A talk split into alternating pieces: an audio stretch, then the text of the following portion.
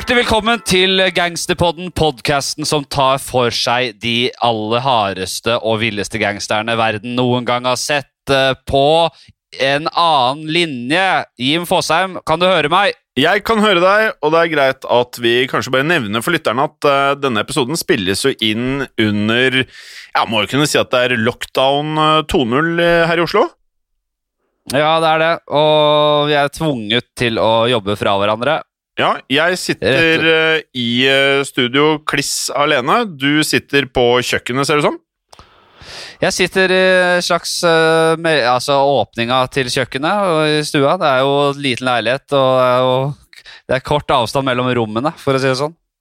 Men det er jævla grei stemning her, Jim. Det er, uh, jeg gleder meg til å snakke om uh, dagens hovedperson. Det er en dame. Syns jeg alltid er gøy. Det er, De glimter til av og til, de damene i gangsterverdenen også, Jim. Ja, det gjør det. I dag skal vi reise til byen Miami. Har du vært i Miami, Fladseth? Aldri vært der. Jeg kan fortelle deg at Miami er et sted når det ikke er coronavirus i verden. Veldig ålreit sted å slappe av. Eh, det ligger i delstaten Florida i USA. En by som er kjent for å ha, mm, ha det ganske varmt og langt varmere enn her i Norge. Ja, og det er hovedsakelig Miami hvor de største sakene foregår, men denne historien skal også innom eh, New York, de travle gatene i New York, og et nytt sted i gangsterpodden, eh, nemlig byen Medellin i Colombia. Ja. Og det er Pablo Escobars hjemby, det tar jeg ikke feil, Jim. Ja. Colombia er hjembyen, eh, eller hjemlandet, og Medellin er hjembyen til Pablo Escobar. Kanskje den mest kjente gangsteren gjennom historien for mange. Uh, ja, vi, det er det. Ja, uh, Men det landet her forbinder vi da med gjerne ikke bare Escobar, men narkotikasmugling og en haug med forskjellige druglords sånn generelt. Ja. Ja, og det er akkurat det vi skal innom i dag, selvfølgelig. Vi skal eh, fortelle historien om en kvinne som med kreativitet og ekstrem brutalitet eh, bygde seg opp et stort, enormt narkotikaimperium. Ikke bare det, hun ble en sentral figur i det som kalles, eh, eller blir kalt Miami Drug Wars. Og dere lyttere vet jo at vi elsker gode gangsterkallenavn. Og dagens kvinne gjør seg på ingen måte bort navne, kallenavnmessig, kan man si. Hun, hun, ble nemlig kalt The Godmother of Cocaine, eh, som i seg selv er eh, helt vanvittig sterkt. Um, det er, klasse, det er kla et klassisk uh, gangsterkallenavn. Ja, Veldig sånn tidløs klassisk. Ja, tidløs klassisk, men uh, Godmother av et uh, narkotikaprodukt. Det har jeg ikke hørt tidligere, i hvert fall. Uh, iblant ble hun bare kalt The Godmother, som er veldig klassisk. The, go the, Godmother, sier du? Ja. Når vi er inne på å uttale uh, Godmother, ville jeg sagt. da. Ja, Det kan man også si, men man kan si noe helt annet. Man kan ta det på spansk, som blir det mest korrekte i denne sammenheng. Som er da språket de prater i Colombia, og da blir det La Madrina Altså gudmoren, direkte oversatt. Ja. ja, og jeg har flere navn på lur. Hun ble også kalt Colombias queen of cocaine. Ja, den er også fin. Ja, Men ikke, sist, men ikke minst, så ble hun kalt The Black Widow. Og da etter den edderkopptypen der hunden pleier å drepe sin egen make, eller det, sin egen mann, da. Ja, så... Av og til. Av og til gjør de det. Så Black Widow er ikke et feil kallenavn, det heller? Det er det du prøver å si? For damen bak alle disse kallenavnene het i virkeligheten Griselda Blanco. Og hun var en colombiansk kvinne som gikk fra fattigdom til å bade i narkopenger. Ja, ikke ulikt mange andre her i Gangsterpodden. Eh, Blanco ble født den 15. februar 1943, mest sannsynlig i Santa Marta i Colombia. Og vi sier mest sannsynlig fordi det ikke finnes noen dokumentasjon på akkurat hvor hun ble født, men vi vet at hun ble døpt i Santa Marta, så mest sannsynlig så ble hun født der også.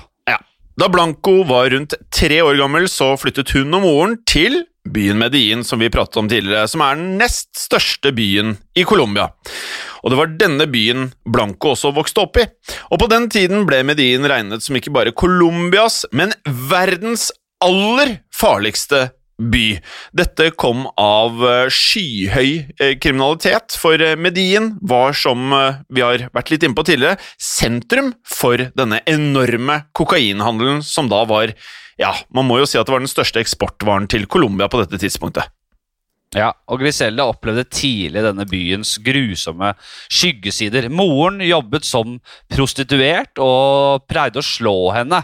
Og som ikke det var nok, kundene hennes skal også ha banket opp Griselda mens hun var barn, og iblant også begått seksuelle overgrep mot henne.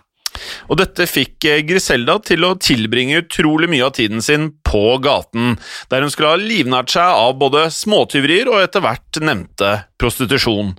Og vi har snakket mye om at eh, mange av gangsterne her i Gangsterboden starter med kriminalitet i ganske så tidlig eller ung alder, da. Men vi må si at eh, Griselda nok er det fremste eksempelet, for da hun bare var elleve år gammel skal hun nemlig ha hjulpet noen med å kidnappe en tiårig gutt, og for så å presse foreldrene til denne gutten for penger.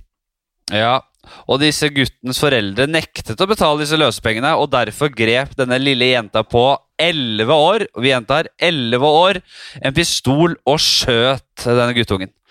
Og den lille gutten døde av skuddet, og det å begå drap i en alder av elleve, det er voldsomt, altså. Ja, det er voldsomt, og uh, dette her er jo bare en forsmak på det dere har i vente denne episoden.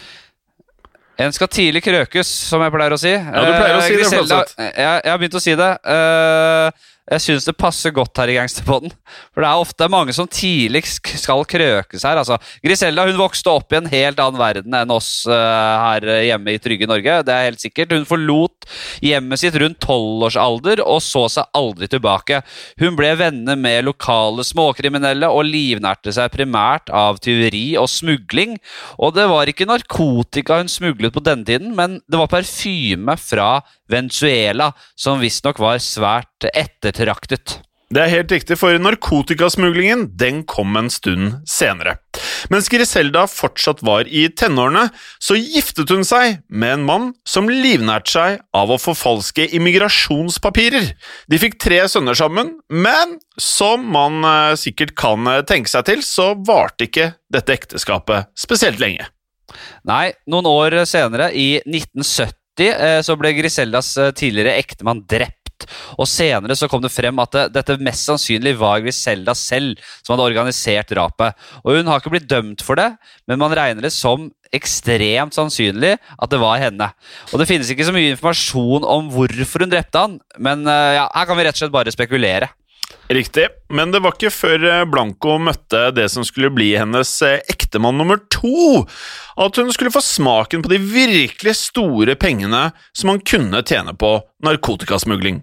For tidlig på 70-tallet flyttet nemlig Griselda til New York, i USA selvfølgelig, sammen med sin nye ektemann Albert Bravo.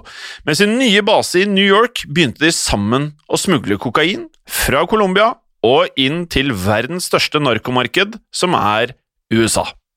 Ja, jeg må si jeg, jeg, bare, jeg liker så godt navnet Albert Bravo. Ja, det er nydelig. Ja, Det er i sin ikke- enkelhet helt fantastisk. Det er ikke noe kallenavn, det er bare han heter Albert Bravo. Og eh, forunderlig eh, veldig likt med Blanco. Ja. Bravo Blanco. Også På 70-tallet så var det marihuana som gjaldt i USA, men i løpet av det tiåret, i løpet av 70-tallet, så skulle kokain sakte, men sikkert seile opp som en ja, sterk konkurrent. I hvert fall når vi snakker da om hvor mye penger dette genererte. Og det var i smugleroperasjonene Blanco begynte å ta i bruk eh, denne kreativiteten sin. Det hadde visstnok vært veldig vanlig at narkosmuglerne brukte én kilde til kokainen og fokuserte på å smugle denne videre. Det vil si at dersom eh, det var forsinkelser i produksjonen i den ene kilden, så måtte smuglingen vente, som betød at det ble et opphold i leveransene av smuglergodset, og dermed også en forsinkelse i pengene, noe folk ikke var spesielt glad i. Og Blanco tenkte helt nytt og fikk gjennom en ny modell. Smugling av kokain fra forskjellige kilder. Og dermed hadde man alltid leveranser, og det ble aldri opphold i pengene. Og Det er denne modellen som ga opphav til det moderne narkokartellets forretningsmodell nå i dag. Og det man her må huske på, da, kjære lytter, det er at eh, dette her er innovasjon. Og selv om man da prater om en innovasjon i en bransje som er eh, strengt ulovlig, så var faktisk da Grisella Blanco med på å skape de, de metodene som brukes av mange til narkotikasmugling i dag. Og hun kom også med uh, mange andre nye ideer. Hun fikk uh, lagd eh, spesielle bh-er og også truser og annet undertøy med hemmelige lommer, og rom for å da selvfølgelig putte store mengder kokain i. Ja, og hemmelige lommer under klærne det har vi jo hørt om før i episoden om den kvinnegjengen 40 Elephants som hadde hemmelige lommer og sekker under skjørtet, altså under skjørtene som de snek tyvegods ned i. Og ja, Det er kanskje en slags videreføring av det. da, kanskje At det tok rett og slett inspirasjon av eh, disse elefantdamene. Uh, og jeg mener jo at nesten at vi nevnte disse elefantdamene i forrige episode også, Jim. Eller en ja, av de forrige episodene. Elefantjentene er med i mange episoder og skal være med i mange flere. ja, De satte spor, eh, satte spor etter seg, de damene der. Ja, en uh, nydelig kuriositet av en episode. Og det som er genialt, da selvfølgelig, som vi da skjønner med, uh, eller fra episoden med elefantjentene, er jo nettopp dette her med at det er ingen som sjekket på denne tiden disse hemmelige lommene som var i bh-ene til kvinnene. Og med Blancos tiltak så opparbeidet hun og ektemannen seg et så riktig så profitabelt uh, smuglerimperium her, da. Operasjonen nærmest eksploderte over natten, og tok en ganske så betydelig jafs av narkotikamarkedet, som tidligere hadde blitt fullstendig dominert av den italienske mafiaen i USA. Ja, og Siden operasjonen vokste så raskt som den gjorde, så tok det ikke lang tid altså, før New York-politiet begynte å stikke nesegrevene sine bort i greiene her. Og de begynte å etterforske eh, Blanco og ektemannen Bravo, og utformet etter hvert en operasjon som de kalte Operation Banshee. Riktig. Og politiet og da Operation Banshee slo til i 1975, så det er ikke veldig lenge siden dette er. Det de gjorde Nei, det de oppdaget her, var da en kokainleveranse som skulle til Blanco og mannen Bravo for videre distribusjon. Og denne leveransen inneholdt hele 150 kilo med ren kokain. Ja, Det er vanskelig å vri seg unna noen sånne mengder som det. Eh, Blanco Bravo og en drøss med medhjelpere ble da siktet i april 1975 for dopsmugling. Og Blanco Bravo var selvfølgelig fullstendig uinteresserte i å havne i fengsel, og de klarte å rømme til Colombia før det amerikanske politiet slo klørne i dem. Ja, Men det skulle ikke være stille lenge, for senere samme år ventet det strid mellom ekteparet, som virkelig beviste at pengene gikk foran kjærligheten for disse to. da. Blanco oppdaget nemlig at mannen hennes hadde stjålet flere millioner dollar med profitt fra kartellet som de da hadde bygget opp sammen. Ja, og Blanco ble fullstendig rasende selvfølgelig over dette forræderiet og konfronterte sin ektemann og forretningspartner på en parkeringsplass foran en nattklubb. Eh, og her, Dette er heftige scener, for hun dro frem pistolen sin og anklagde Bravo. Eh, men Bravo selv kom ikke uforberedt. Som svar på disse anklagene hennes så dro han frem en maskinpistol. og Dermed så ble det full skuddveksling, full kjør på denne parkeringsplassen. og Kulene haglet inn i skilt og parkerte biler, og dere kan se eller, ja, se for dere hvordan dette var. Det var litt av et kjør. Og da det endelig ble stille på parkeringsplassen, så lå både Bravo og hans seks livvakter døde igjen på bakken. Men en som overlevde dette her, det var Griselda. Hun fikk eh, faktisk kun en eh, liten eh, skuddskade i magen og overlevde hele dette voldsomme sammenstøtet. Ektemann nummer to var med andre ord nå død, og siden Blanco nå hadde to ektemenns blod på hendene, fikk hun da det kallenavnet hun nevnte tidligere her, Flatseth, som er The Black Widow, altså den sorte enke. Så nå skjønner vi at dette her er jo et ja, mer eller mindre perfekt gangsternavn på, på Griselda. Ja, Som jeg nevnte så vidt i stad, så er Den sorte enke en giftig edderkopp som noen ganger dreper uh, sine egne menn, da, for å si det sånn. Uh, det er litt ja, det, det, det, navnet liker jeg veldig godt. Det er uh, høyt oppe på gangsterkallenavnlista, Jim. Jeg vil si en åtte-ni av ti mulige stjerner. Ja, du er der. der. Du er der? Ja, ti, ni, åtte, ni, ja, ti på børsen, vil jeg si, på Black Widow, altså. uh, men nå som han Bravo men, men, var i grav Flatseth, jeg er mer eh, Det her er vi litt uenige, da. Jeg gir nemlig ja. The Godmother of Cocaine høyere score enn The Black Widow. Jo, men det er så lite originalt, på en måte. Jeg synes liksom Man, man slenger rundt seg med det Godmother og Godfather-greiene. Jeg syns det er litt uh, gått til inflasjon i det, skal jeg være ærlig. Ja, ok, Så du mener at det er uoriginalt?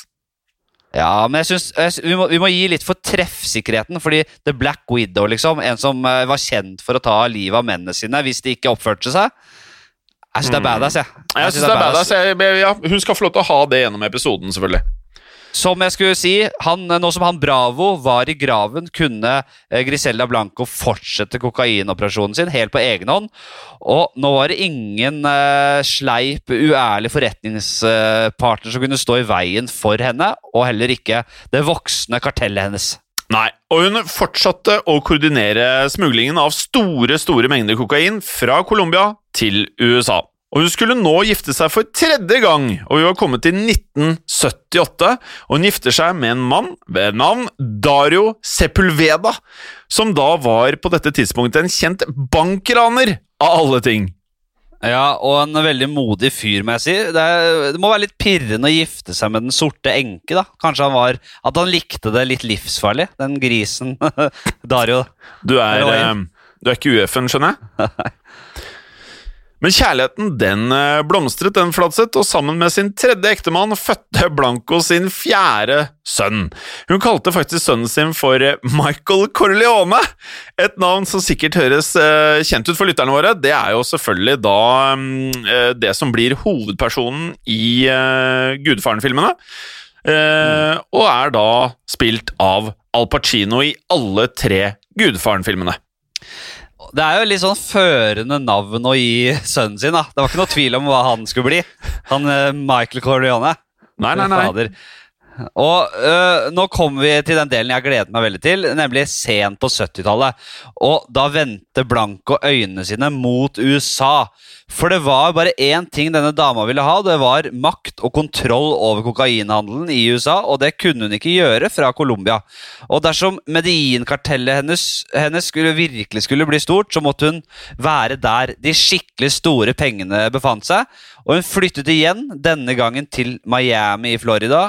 Og det var i Miami hun virkelig skulle bli the godmother of cocaine. Ja, hun ble the godmother of uh, cocaine. Bygde opp eh, operasjonen sin ytterligere i MIA, der hennes Medin-kartell da sakte strammet grepet om eh, hele kokainindustrien. Valget av Miami er jo ikke tilfeldig her, for eh, byen var en eh, unik posisjon som eh, gjorde den svært viktig i Blancos jakt på stadig mer makt. For smuglingen av kokain inn i USA eksploderte på slutten av 70-tallet og videre utover 80-tallet. Og Miami da i denne sammenheng var en eh, viktig by, for den var sentral for all distribusjon av smuglet kokain inn til USA. Og midt i dette så satt eh, Blanco, selvfølgelig. Hun satte opp et enormt distribueringsnettverk som gikk fra Miami og ut til hele USA. Og for å tjene så mye penger som mulig og utvide nettverket sitt, eh, så måtte hun ta mer og mer kontroll over Miami.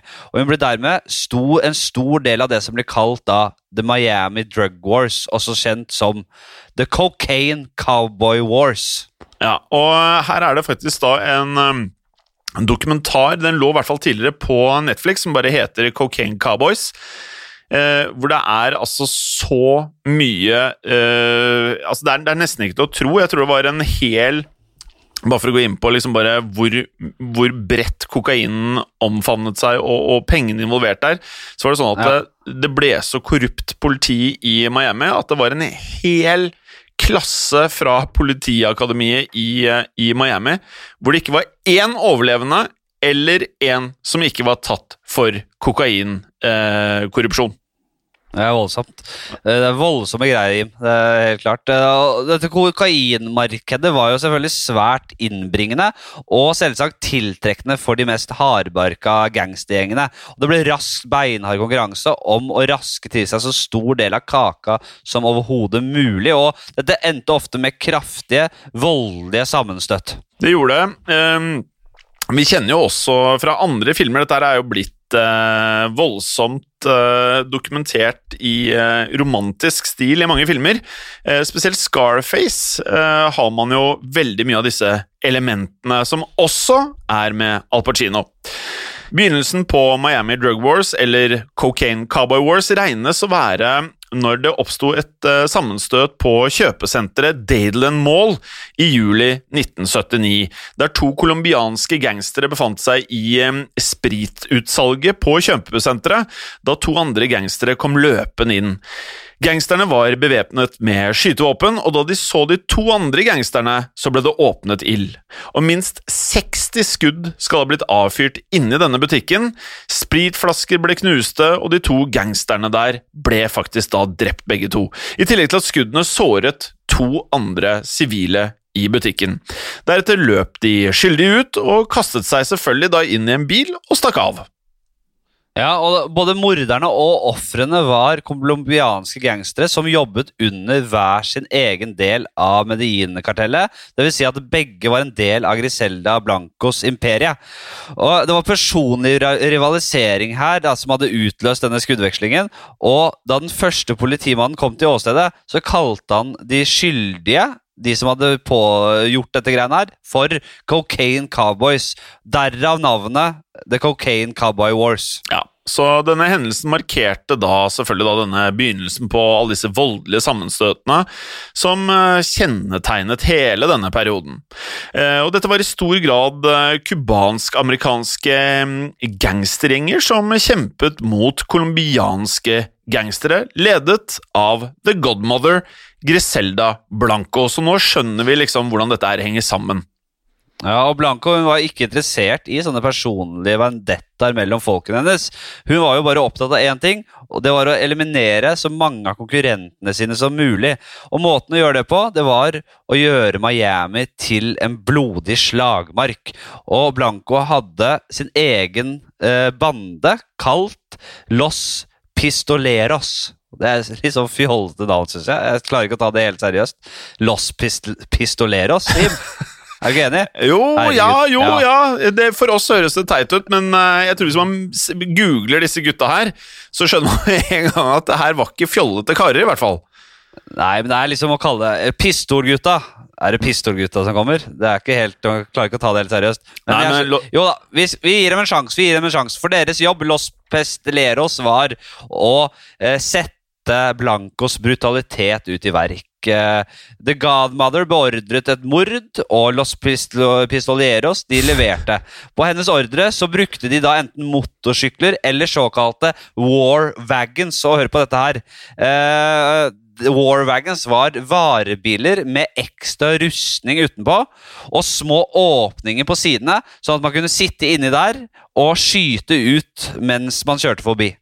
Som er eh, genialt hvis eh, hensikten din er å drepe mye folk, og egentlig at du ikke bryr deg så veldig mye om eh, du skyter uskyldige folk heller. Og var det den minste mistanke om at det var en person som skulle drepes, da, så skjøt som regel mennene til Blanco først og spurte senere. Ja, og det er også tydelig at Blanco ville at hennes uh, rivaler skulle frykte henne som bare rakkeren. ikke sant? Og Hun beordret ofte ofrene drept på de mest grusomme måter. Folk ble funnet halshugget eller kastet langs veien, eller noen ganger selvfølgelig hakket opp i småbiter. Og så er det viktig å poengtere her da, for eh, folk som er eh, like ihuga gangsterinteresserte som oss, så er det jo sånn at etter denne perioden så har jo mange av disse metodene blitt langt, dessverre, langt mer vanlige, og vi ser jo at i Mexico så skjer disse langt verre ting både, både daglig, åpen på gata og selvfølgelig i, i, stor skala bak lukkede dører. Men dette her var altså da første generasjon med den type voldsbruk. Og Griselda hun eh, viste virkelig at hun eh, var den personen man skulle være redd for i kokainbransjen. Og de som ikke betalte tilbake pengene som eh, de skyldte henne, rakk aldri å komme med noen form for unnskyldning før eh, de simpelthen ble drept. Dersom Blanco selv skyldte noen penger og ikke følte for å betale tilbake, hva skjedde da? Jo, da drepte hun de hun skyldte penger. Ja, Iskald dame her, Jim. Iskald. Og man mistenker jo at eh, hun var involvert i eh, over 200 mord, men eh, mange antar at det virkelige tallet selvfølgelig er langt, langt høyere. Og brutaliteten den lønte seg, For fra rundt 1980 eh, skal hun ha smuglet inn mer enn tre tonn med rent kokain inn til USA per år, og håvet inn eh, det som i dag vil tilsvare rundt 80 millioner amerikanske dollar per måned. Ja, og nå ser jeg gjennom skjermen her at du har fått frem currency-konverteren på Ja. din flunkende nye Huawei, eller hva er det du har? Jeg har ikke Huawei, eh, Flatseth. Jeg bruker Nei. iPhone. Ja, Hvor mye eh, tjente hun i måneden i 2020-penger? Det utgjør 731 millioner kroner per 30 dager. Det er voldsomt, ass. Tenk å tjene hver måned! da. 731 millioner kroner. Det er Ja. voldt, voldsomt. Og Blanco, hun, hun, så, tenk at hun vokste opp i, i dyp fattigdom med en prostituert mor og alt det der. Nå veltet hun seg i enorm rikdom. Det betød luksusbiler, det var enorme villaer, og det var selvfølgelig et eget privat jetfly. Man må jo ha det, er man uh, the godmother of cocaine. Uh, hun holdt de største festene i Miami, og um, der skal uh, den en gang unge Pablo Escobar selv også ha dukket opp iblant på disse festene. Og um, det er verdt å merke seg også at da Griselda og Pablo ble, ble store rivaler senere. Ja, og vi, trenger, vi trenger ikke nevne at vi skal ha en egen episode om Escobar. Vi har nevnt det tidligere, også. men det er jo Ja, åpenbart. Det er klart, det. Det er klart vi skal ha det. Eh, og ikke bare holdt Blanco fester, hun holdt også svære orger i disse villaene sine. Mm. Og orgene inkluderte både menn og kvinner, ettersom Blanco likte å eh, få, litt, eh, få smake litt på begge, på begge kjønnene. Hun likte å sånn. kose seg, hun der Blanco. Ja, hun var biseksuell og likte, likte å få litt av hvert der. Og det var orger, det var fester, selvfølgelig kokain, for The Godmother var avhengig selv. Hun uh, måka i seg en del kokain. Og Don't get high on your own supply, er det noe som heter. Det dreit hun uh, greit i. i. Det er mange gangstere som dreit gleit uh, i den første regelen av narkosmugling. Og iblant kombinerte hun eh, sin seksuelle appetitt med sin eh, nådeløse brutalitet, for hun skal ved flere anledninger ha tvunget menn og kvinner til å ha med henne eller med hverandre ved å true med å skyte dem, rett og slett.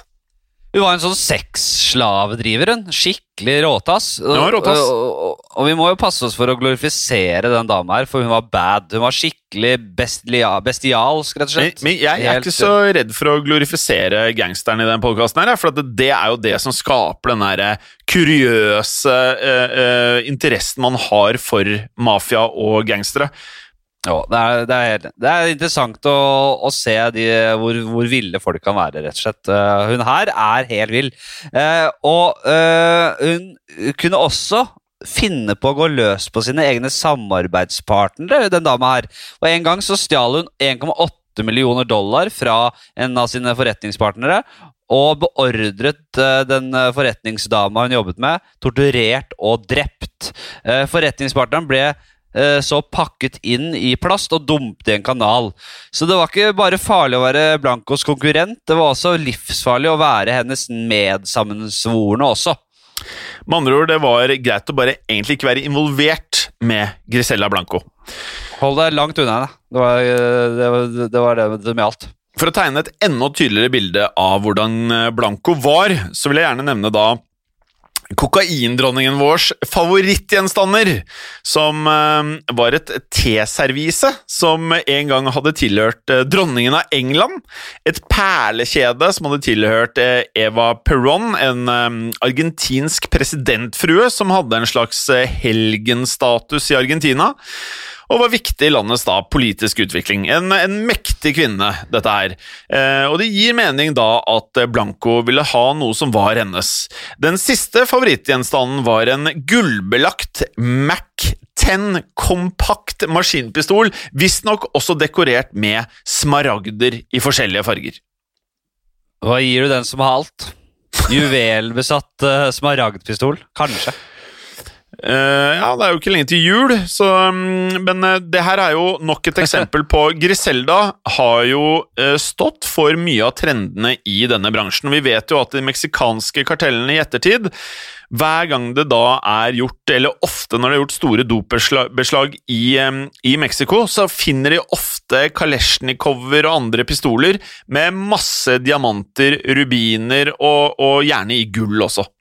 Ja, de var, de var, helt ville, selvfølgelig. Jeg hadde også kjørt på med sånne ting hvis jeg hadde vært i det kaliber, av det kaliberet her. altså. Det skulle vært voldsomt. Eh, på 80-tallet så levde Blanco sine glade hva skal man si, narkobarondager. Det var orger, fester, tonn på tonn med kokain eh, i nesegrevet og, som de solgte, og brutalitet og mord både på eh, medsammensvorne og konkurrenter.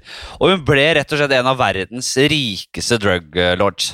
Og så er det jo sånn, da, med de aller fleste personene vi prater om i denne podkasten, så er det ikke sånn at disse storhetstidene til, eh, til, gangsterne varer for evig.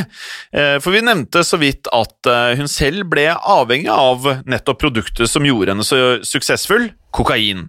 Hun var nærmest bestemt avhengig av en mer uraffinert form for kokain, som er kjent som basuko, eller lettere for oss å si kanskje, bazooka. Høres ut som noe som river, det der. jeg hadde aldri hørt om det før denne episoden, men bazooka, det, det høres ikke bra ut. Eh, og dette er en type kokain som eh, man kan røyke, angivelig. Eh, men kombinasjonen av kokainrusen, paranoia og hennes velkjente brutalitet, så var Blanco ganske uforutsigbar. Det var ikke akkurat eh, fristende for andre store narkobaroner å samarbeide med henne lenger. I stedet valgte hennes fiender å forsøke å kvitte kvitte seg med the godmother of cocaine, og en av rivalene hennes var nå, som vi nevnte tidligere, blitt Pablo Escobar, som hadde gått fra en av eh, Blancos festgjester til å bli en av de største rivalene til Blanco. Ja, og stadig flere rivaler satte en uh, høyere og høyere pris på uh, damas hode. La Madrinas hode, som hun heter, ble kalt på spansk. Og, og det er uh, ganske så fint kallenavn, det også, faktisk. La Madrina. Ja, det klinger fint. Ja, høres nydelig ut, det. Oh. Eh, og hun følte seg eh, ganske snart ikke særlig trygg i Miami lenger. Med dette store nettverket hun hadde bygd seg opp, så, så ja, Hun kom fram til at uh, hun var ikke nødt til å holde seg i byen lenger. Så Derfor flyttet hun til California i 1984. Litt mer avsidesliggende sted, i et forsøk på å unnslippe fiendene sine. Og hun overlot den daglige driften av narkokartellet til tre av sønnene sine. Men når Blanco flyttet til Miami, var det uten ektemannen. Hennes tredje ektemann, Dario Sepulveda, som vi nevnte tidligere, han hadde nemlig fått nok året før, og i 1983 forlot han La Madrina og dro tilbake til Colombia. Og han og Blanco ble ikke enige om hvem som skulle ha foreldreretten over selveste Michael Corleone, og etter da en stor, stor krangel kidnappet Sepulveda sønnen og tok ham med seg tilbake til Colombia. Og da Fladseth, hvordan kan man eh, tenke seg til at eh, Blanco eh, reagerte? Når faren tok med unge Michael Corleone, mener du? Ja, da smalt jo noe voldsomt. Ja, det, det. det hun gjorde, kan nok for mange ikke være spesielt overraskende. Nei, The Black Widow slo til igjen, hun. Uh, hun hadde allerede tatt livet av to av sine ektemenn, og nå eh, hadde den tredje gått for langt, og Blanco betalte en leiemorder i Colombia, og vips, så lå ektemannen nummer tre i grava. Og sønnen uh, Michael kom tilbake til henne, og de flyttet til California året etter. Det stemmer, men selv om Den sorte enke hadde kommet seg vekk fra rivalene i Miami, så var det noen andre som fulgte i hælene på henne. Det var en eh, politistyrke, nemlig, med kodenavn Operation Redrum, som er eh, murder eh, baklengs, eh, også kjent fra en veldig så skummel skrekkfilm. Og dette var et samarbeid mellom New York og Florida-politiet, og de var fast bestemte på å ta knekken på The Godmother én gang for alle. Vet du hvilken film jeg tenkte på der, Flatseth? Det er den der med Jack Nicholson, det. Hva heter den, da? Uh, Ondskapens hotell? Helt riktig. Yes. Uh, og vi, Dere husker kanskje at uh, Griselda ble siktet for dopsmugling i 1975, og deretter flyktet til Colombia før hun flyttet til Miami noen år senere. Så da, i 1985, ble Blanco endelig pågrepet og funnet skyldig i denne siktelsen ti år senere. Og straffen ble satt til 15 år, og Blanco havnet uh, i fengsel. Ryktene sier at hun fortsatt ga ordre til narkoimperiet sitt mens hun satt i fengsel. Dette er ikke noe vi kan eh, bekrefte, eller det er ikke dokumentert. Men det er ikke uvanlig at bosser som sitter i fengsel, kontrollerer mye på utsiden. Nei, jeg blir ikke overraska hvis dette er tilfellet, altså. Jeg gjør ikke det. Men myndighetene var ikke ferdig med Blanco helt ennå, for hun hadde jo foretatt seg både det ene og andre, hun, mens hun var i USA etter uh, siktelsen fra 1975, blant annet en god del mord, som vi var inne på. Og det var vanskelig å få tak i vitner og bevis, men så kom lovens lange arm uh, over en mann ved navn Jorge Ayala. Uh, eller Jorge Ayala. Et eller annet sted Jeg, vet, Jorge jeg kan ikke språk. Ayala. Ja. Eh, og eh, Jorge Ayala han ble pågrepet i Chicago på flukt fra politiet og ble siktet for flere mord. Og gjett hvem han Jorge hadde vært leiemorder for tidligere? Det var selvfølgelig ingen ringere enn Griselda Blanco. Ayala hadde vært en av Blancos aller viktigste leiemordere, men eh, forholdet hadde da tatt en utrolig brå slutt da Blanco hadde forsøkt å få, få altså rett og slett få han til sengs, når han da til slutt avviste Blanco. I tillegg så skal han da ha stjålet 80 000 dollar, så da kan man jo skjønne at eh, Blanco og Ayala ikke hadde det beste forholdet. Og da han ble pågrepet og siktet for flere drap, så ble han brått veldig villig til å gi politiet informasjon i bytte mot mildere straff. Veldig smart strategi det der fra politiet. At Mm. de gir den muligheten der. Eh, og dermed så ble Blanco siktet for tre mord i 1994, og Ayala han var stjernevitne i saken mot henne. Og Påtaleadvokaten mente Blanco fortjente dødsstraff, men mistet et viktig vitneutsagn da retten ble forsinket. Og hvorfor ble det forsinket? Jo, det ble nemlig oppdaget at stjernevitnet Ayala hadde betalt flere sekretærer fra eh, påtaleadvokatens kontor for å ha telefonsex med han mens rettssaken pågikk. Ja, kanskje eh, Kanskje fristende trekk, men kanskje ikke så strategisk, eller? Nei, for dette skadet jo Ayalas kredibilitet, eh, selvfølgelig, og rettssaken ble derfor forsinket, og den varte og varte med flere forsinkelser helt fram til 1998, da Blanco inngikk en avtale. Hun erklærte seg selv skyldig mot en lavere straff. Ja, Som gjorde at det ikke ble noen dødsstraff på Blanco. Faktisk så satt hun bare i fengsel i eh, seks år frem til 2004, da hun ble løslatt. Ja, hun slapp billig unna der, kan man si. Ja. Og som eh, vi opplever og kommer til å oppleve mer av i Gangsterpodden, det er ikke alltid slik at det er så enkelt å ha nok beviser. Eh, Og Blanco ble deretter deportert tilbake til Colombia. Hun slo seg ned i hjembyen Medin omsider, og da hadde hun på dette tidspunktet blitt 61, og helsen til Griselda den eh, skrantet etter alt dette luksuslivet, kokainbruken og alle årene i fengsel også. Hun gikk eh, ikke tilbake til det kriminelle, men pensjonerte seg for eh, å leve da et roligere og mer anonymt liv. Ja, Nesten en uh, lykkelig slutt, dette her, Jim. Nesten. Uh, med, nesten, altså. Men det er jo vanskelig å leve en rolig pensjonisttilværelse når man pleide å uh, drepe rivaler på brutalt vis over en lav sko. Eh, og narkoverden husket henne selvfølgelig veldig godt, og de husket de brutale metodene hennes fortsatt. Og den 3. september 2012, da var Blanco 69 år, og hun skulle møte samme skjebne som hun hadde påført så mange andre i sin storhetstid. Hun sto utenfor en slakter da en person kom susende forbi på motorsykkel og skjøt henne. Og det var det som var hennes varemerke. Det som var, pleide å være hennes varemerke. da. En drive-by-shooting på motorsykkel. Åh, det er liksom noe eh, legendarisk gangster over det, altså. Sirkelen var sluttet, som man sier. Ja, eh, Blanco ble skutt eh, en gang i skulderen og en gang i hodet. La Madrina, altså Den sorte enke, eller The Godmother of Cocaine, hun døde der på gata utenfor slakteren. Og drapet skal fremdeles til eh, den dag i dag være sett på som uoppklart, for hun hadde såpass mange fiender at det nærmest føltes umulig å finne den skyldige i havet av mennesker som kunne hatt et motiv for å leie inn mordere til å ta livet av henne. Og slik ender historien om Griselda Blanco, en av verdens største narkobaroner, som feide innover USA med kokain på slutten av 70-tallet og videre utover 80-tallet. Eh, dette her var en, eh, rett og slett en legende i eh, gangsterverdenen, Jim. Er det noen filmer? Ja, vi var innom det, men er det noen, det er, du, hva, dette Cocaine Cowboys, er ikke det en dokumentar som har ligget på Netflix, eller tar jeg feil da? Jo, det var som nevnt uh jeg, vil, jeg, vil jo si at uh, nå er det Cocaine Cowboys 1 og 2. Begge disse her tar for seg uh, mye av historien uh, bak både kokainkriger og kokainsmuglingen som har skjedd spesielt i Miami-området.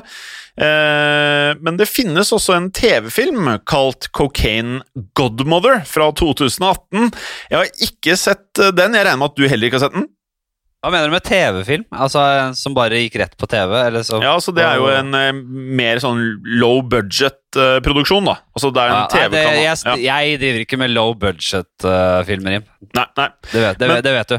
Ja, ja, da, du, du ser foruroligende lite gangsterfilmer, men Jeg ser kun de beste. Ja. De kun de aller beste. Ja, vi får se på det. Jeg kommer til å gi deg en uh, filmliste du skal se over jula. Men det er faktisk en storfilm om Griselda Blanco i eh, produksjonsstadiet As We Speak, der Jennifer Lopez skal spille Blanco. Lope, Lopez holder koken, hun, ja? Ja, hun, ja. Eh, yes, jeg kan se for meg hun kan gjøre en god, uh, god rolle her. Ja. Lenge siden jeg har sett henne på på skjermen. Nå er det jo ikke så enkelt å komme seg på kino akkurat nå i Oslo sentrum, men på et eller annet eh, tidspunkt så må vi håpe på at det er litt enklere å komme seg på eh, kino. Ja. Uh, du, Jim, har du en gangsterlåt som passer til dette greiene her i dag, da? Ja, jeg har en fra Curtis Mayfield. Uh, ja. Og den er uh, Jeg har valgt den på uh, bakgrunn av navnet, eller tittelen, på sangen. og så skulle jeg ønske den het Pusher Woman, men den heter Pusher Man. Ja, jeg tenker at det er ganske beskrivende. Fantastisk kul sang. og ordet 'pusher' for meg beskriver Griselda Blanco. Hun var, hun var en pusher av kokain første jeg tenker på når du sier Pusher, er den der danske filmserien med Kim Bodnia. Men det får være Sånn er det. Ja, nei, Det er også en Har... film man bare må se, selvfølgelig. Ja, De er eh, helt rå. De har jeg sett. Du, eh, vi må jo også fortelle at vi har eh, en Instagram-profil som heter Gangsterpodden, og så heter vi Historie for alle. Det er en samlegruppe inne på Facebook. Mm. Mm. Det er helt riktig. Der er både Historiepodden og Krigsrevyen. Um, og med det, uh, rate oss veldig gjerne på iTunes om dere ønsker det. Følg uh, spillelisten vår på Spotify som heter Gangsterpodden. Og med det, Henrik, så er vi ferdig med dagens episode om uh, The Godmother of Cocaine. Ja, vi høres neste uke, vi. Og inntil da så må dere huske å holde dere unna fiskene. Men samtidig, hold det gangster. Ha det fint.